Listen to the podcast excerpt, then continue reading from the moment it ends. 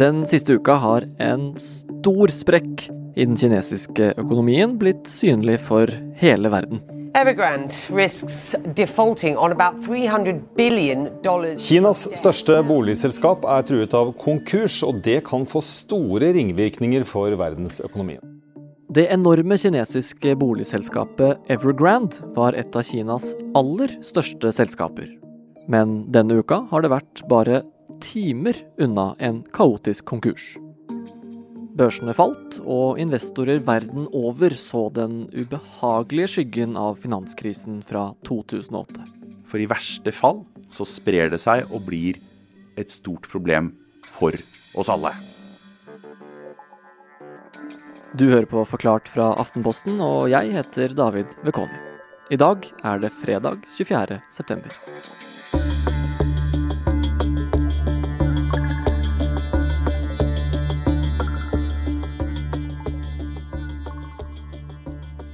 Sindre Heierdal, økonomikommentator og programleder i E24-podden. Hvordan så det ut for Evergrande i starten av denne uka her? Det så ille ut. Vi hadde jo eh, Dette lå under overflaten noen uker før også, men det var få som brydde seg så veldig. På mandag ble alt satt på spissen, for da begynte investorene over hele verden å frykte at låneforfall som Evergrande har denne uka, skulle være nok til å kanskje velte hele tuen. At det kunne bli en regelrett kollaps i Evergrande. Forfall, altså at de måtte få betalt inn en del av gjelda. Ja, Og hvis ikke så vil det bli problemer. Stemmer. Det er jo litt som når vi har boliglån, så må vi jo gjerne betale det litt av lånet vårt til banken én gang i måneden. Og i likhet med, med, med folk flest, så må også bedrifter stadig betale på den gjelda de har til ulike de har lånt penger av. Og her var det da en viktig eh, forfall, altså en viktig betaling på torsdag. Og den var investorene livredd for at eh, dette selskapet ikke skulle klare å betale på. Fordi Evergrande er et gigantisk boligselskap som har bygd hele blokker, kvartaler og bydeler som kinesiske familier kunne flytte inn i. Så når det selskapet kan være i fare, så ble ikke bare de profesjonelle investorene redde. Denne uka troppet rasende småinvestorer opp foran hovedkvarteret til bedriften de har putta sparepengene sine i. Evergrande. Sammen med veldig mange kinesiske boligeiere var de redde for å miste alt de eide. For det er mange som har betalt masse penger på forskudd for Evergrande-boliger som de ennå ikke har fått.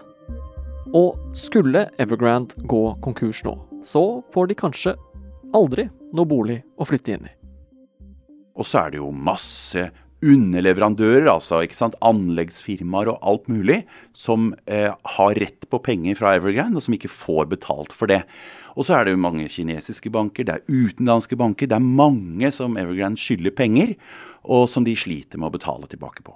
Men hvordan havna Evergrande eh, her, da? Ja, Gjennom flere år så har de altså lånt seg opp til pipa. De har finansiert mye av veksten, den vanvittige utbyggingen av eh, skyskrapere og andre boliger over hele Kina, hvor du ser denne Evergrande-logoen på heisekraner overalt.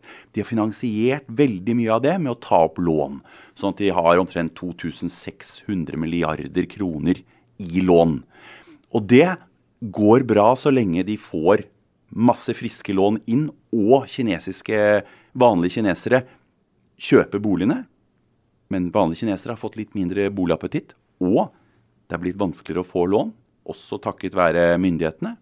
Og da sliter de. Da klarer de ikke å betale lenger. Så det er ikke bare etterspørsel, men det har også med de lånene som de skal få. Hvis det blir vanskeligere, så blir det plutselig et stort problem. Da blir det et kjempeproblem. Og president Xi Jinping, allmektig i Kina, han har i flere år nå sagt at gjelda er for høy i veldig mange kinesiske selskaper, særlig i eiendomsbransjen. Og sentralbanken alle har strammet inn på lånene. Og da funket ikke denne modellen Evergrande baserte seg på. Masse gjeld for å vokse videre.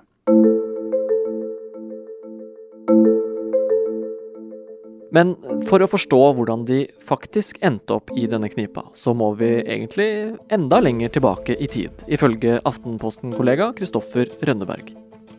Evergrande er på mange måter et symptom på det store kinesiske problemet, som er at de har basert veksten sin på å bygge og bygge og bygge.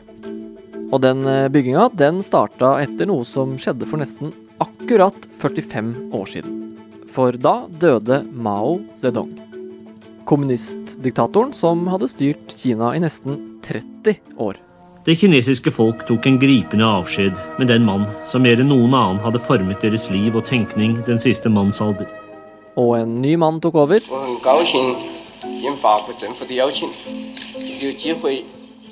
Deng Xiaoping. Og med det så starta også bygginga. En bygging som verden aldri har sett maken til. Ja, det ble plutselig lov til å tjene penger. Eh, Det ble lov for, eh, for folk å starte bedrifter som de kunne bli rike av og selge ting til andre kinesere med. Eh, En en annen ting Deng sa, var at noen må bli rike først. Altså Alle kunne ikke løfte seg opp samtidig. Noen måtte skape bedriftene, skape formuene, sånn at de kunne skape arbeidsplasser, og dermed løfte andre opp uh, på den måten. Og det var veldig vellykket. uh, gjennom 80-tallet så vokste Kinas økonomi veldig, veldig raskt.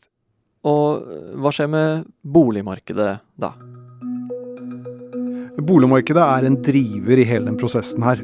For folk fra landsbygda begynner å strømme til byene der det er masse nye arbeidsplasser. Og disse folka, ja, de trenger jo et sted å bo. Og det fører til en enorm byggeboom. Og etter hvert så utgjør boligsektoren en femtedel av alle verdiene som skapes i Kina. Og et av de mange selskapene som vokser i det her, er Evergrande. Evergrande ble startet i 1996 eh, av det som nå er en av Kinas eh, rikeste menn. Han klarte å, å kaste seg på denne byggebølgen som, som preget Kina gjennom 80- og 90-tallet og, ut, og utover på 2000-tallet. Så i alle store byer i Kina i dag så, så er det et Evergrande-prosjekt eller flere. Ja, og selskapet det blir da etter hvert Kinas nest største på eiendomsmarkedet. Og all bygginga den finansierer de som resten av eiendomssektoren i, i landet gjennom lån. På milliarder av milliarder av kroner. Ja, men så skjedde det noe. For de siste årene så har den store befolkningsveksten i Kina blitt mindre. Dermed trenger færre folk bolig, og etterspørselen etter Evergrandes høyblokker minker. Og så kom myndighetene på banen. For et par år siden så begynte myndighetene å stramme inn. Fordi eh, hele Kinas vekstmodell har basert på gjeld og på å bare bygge, og så satse på at, eh, at eh, etterspørselen kommer senere. Men de siste årene så har myndighetene begynt å stramme inn. Og i fjor så kom det en ganske betydelig innstramming på eh, bolig, eh, i, i boligsektoren, hvor forholdet mellom gjeld og inntjening eh, skulle endres, sånn at det ikke var mulig å låne penger på samme måten som man hadde gjort før. Og det selskapet det da i størst grad har gått utover, det er Evergrande.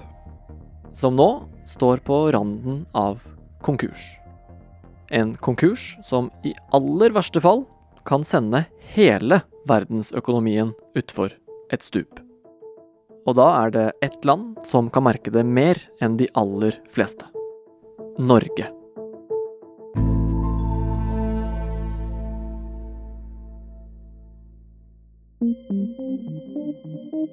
Gjennom denne uka har konkursfrykten for Evergrande vokst, og børsene falt. Men så har det også kommet noen gode nyheter for Evergrande. De har inngått en avtale med noen av de som har lånt dem penger, og klart å betale ned de viktige forfallene. Så Evergrande går sannsynligvis ikke konkurs denne uka. Men det betyr ikke at de ikke kan gjøre det neste uke, eller uka etter det. Og hvis det skjer, så kan det få store konsekvenser. Det verste som eh, kan skje, er jo at de river med seg flere. Evergrande, som er så stor, eller var så stor, og som eh, har så mye penger de ikke har klart å betale på, kan rive med seg eh, banker som har lånt ut mye penger til dem. Kan dra ned eh, og skape frykt eh, i verdens globale finanssystem, sånn at det blir vanskeligere å låne penger mellom banker og, og, og rive med seg børser over hele verden i en frykt for at det også sprer seg til andre kinesiske boligbyggere som også har en masse gjeld, og andre kinesiske selskaper som også har en masse gjeld. Og da veit vi fra i stad at eh, hvis det blir vanskeligere å låne penger, så kan det også gjøre problemene større. Absolutt, absolutt. Og det er jo bankene til syvende og sist som er sentralnervesystemet i verdensøkonomien. Vi husker jo finanskrisen. Den ble så ille fordi problemene startet med bankene. Og en boligbygger er kjempeviktig, men hvis de river med seg banker, så blir det mye, mye verre. Ja, for det er jo vanskelig å glemme finanskrisen i 2008. Finansbransjen rystes nå av det som kanskje er den alvorligste krisen på 100 år. Tilliten i finansvesenet brøt sammen, og krisen var et faktum. I Europa fikk eh, flere land problemer med å betjene lånene sine. EU og IMF måtte bruke nesten 500 milliarder euro på kriselån til euroland. Da bankene ikke fikk inn lånene sine og gikk konkurs én etter én, så endte det med å kaste hele verden ut i en dyp krise. Spørsmålet flere stiller seg nå, er om det kan skje igjen. Denne gangen med Kina som startpunkt. I verste fall så kan det jo det. Men jeg tror nok ikke det vil skje nå, fordi dette ligger et nivå under. Det er ikke direkte på bankene, det er på en boligbygger. Så med mindre mye mer kommer til overflaten og bankene sliter voldsomt, så ser det ut som det, det vil være håndterbart, men med resultat at det blir slappere økonomisk vekst. Mye mindre bygging i Kina enn, enn det var i årene før. Og det kommer vi alle til å merke i hele verden. For dette er jo verdens fabrikk. Dette er verdens største etterspørrer etter råvarer. Så det vil utvilsomt merkes i resten av verden også. Også her i Norge? Definitivt. Og mer i Norge enn i mange andre land. For vi er en liten, såkalt åpen økonomi. Vi, er, vi, må leve av å eksportere. Vi har mye råvarer. Vi har selskaper som Hydro med aluminium, Equinor med olje. Vi har mye shipping som frakter mye av varene fra Kina. Og alle disse vil merke altså prisene vil være litt lavere av at det blir slappere i Kina. Så vi vi merker det mer enn mange av disse store økonomiene som USA eller Tyskland, som også har store egne hjemmemarkeder. Så det her, det vil ikke bare Evergrande og Kina unngå, men de aller fleste andre også. Og for å unngå det, så er det tre mulige løsninger. Nummer én Xi Jinping og kinesiske myndigheter kan velge å redde dem ved å gripe inn, ta seg av gjelda, ta over gjeld eh, og la det fare. Og her kommer et eh, annet uttrykk vi kanskje husker fra finanskrisa. Too big to fail. And so we still have the issue of how do we deal with too big to fail banks? Quote, greed is not good, saying it's time to blow up the banks that are too big to fail. Makers, including Senator John McCain, want to put a permanent end to the notion of too big to fail. Hvis Kinas myndigheter redder dette enorme selskapet fordi det er så stort at en konkurs vil skape problemer, så sender de samtidig et signal om at andre store selskaper kan holde på på samme måte. Ta opp store lån og vite at de blir redda hvis det skjer noe. Det er den ene muligheten. Eller de kan to la det gå konkurs. Kollapse. Eh, med store tap for kinesiske boligeiere og med store tap for bankene. I håp om å statuere et eksempel og si klart ifra at det er ikke greit å ta opp så mye gjeld, til skrekk og advarsel for resten av Kina og verden. Eller det tredje alternativet, som nok er det mest sannsynlige, at den kinesiske staten blir med på det vi kaller en restrukturering. Altså at eh, Kina som stat også tar på seg litt av gjelden, men selger mye av eiendelene til Evergrande. Eh, men hvor man da sikrer at ikke så mange rundt rives med i fallet. Altså at boligeiere kommer seg noenlunde greit gjennom det, og at ikke kinesiske banker går over ende. Og nå fikk jo Evergrande med seg noen av investorene på en avtale som gjør at de i hvert fall får betalt avdragene sine for nå. Så da kan det se ut til at det er det tredje alternativet, hvor de må selge unna og bli mindre, som er det som er i ferd med å skje. Og da er problemet fiksa? Nei. Og eh, Evergrande er jo bare et symptom på noe mer. Det er masse gjeld eh, i Kina, og boligbransjen er enorm. Eh, så Kina vil slite med dette i mange år. Og de må få ned gjelden over tid. Eh, men det vil gi slappere vekst. Og eh, det er toppen av isfjellet vi ser nå Kanskje eksploderer det ikke i resten, men faren vil ligge der i lang tid fremover. Så uansett vil nok vi og resten av verden måtte forholde oss til Kinas slappe vekst i årene fremover. Men Kristoffer, hvilke følger kan det få i Kina fremover? er den stilltiende avtalen mellom kinesiske myndigheter og det kinesiske folk har vært at myndighetene har levert stabilitet og de har levert vekst. Hvis den veksten avtar, så har du nå etter hvert fått en veldig stor middelklasse som vil i økende grad bli misfornøyde fordi de ikke lenger får uh, den veksten som de har blitt vant til i løpet av disse 40 årene. Så da kan man jo tenke seg hva som, hva som, skjer hvis man plutselig har 400 millioner mennesker i en middelklasse som begynner å kreve andre ting enn bare økonomisk vekst fra myndighetene. Og det er jo ikke et uh, autoritært uh, diktatur som Kina i stand til å levere. Så der vil det oppstå en ubalanse, og så blir det veldig interessant å se hvordan myndighetene da håndterer uh, det kravet fra, fra folket om at de må levere på andre fronter enn bare økonomisk vekst.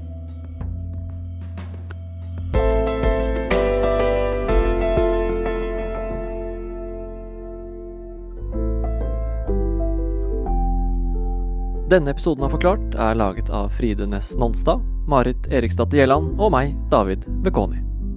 Resten av Forklart er Anne Lindholm, Andreas Bakke Foss og Guri Leiel Skedsmo. Du har hørt lyd fra NRK, CNN, AP, NBC, ABC og Fox News. Jeg håper du får en eh, fortsatt fin dag.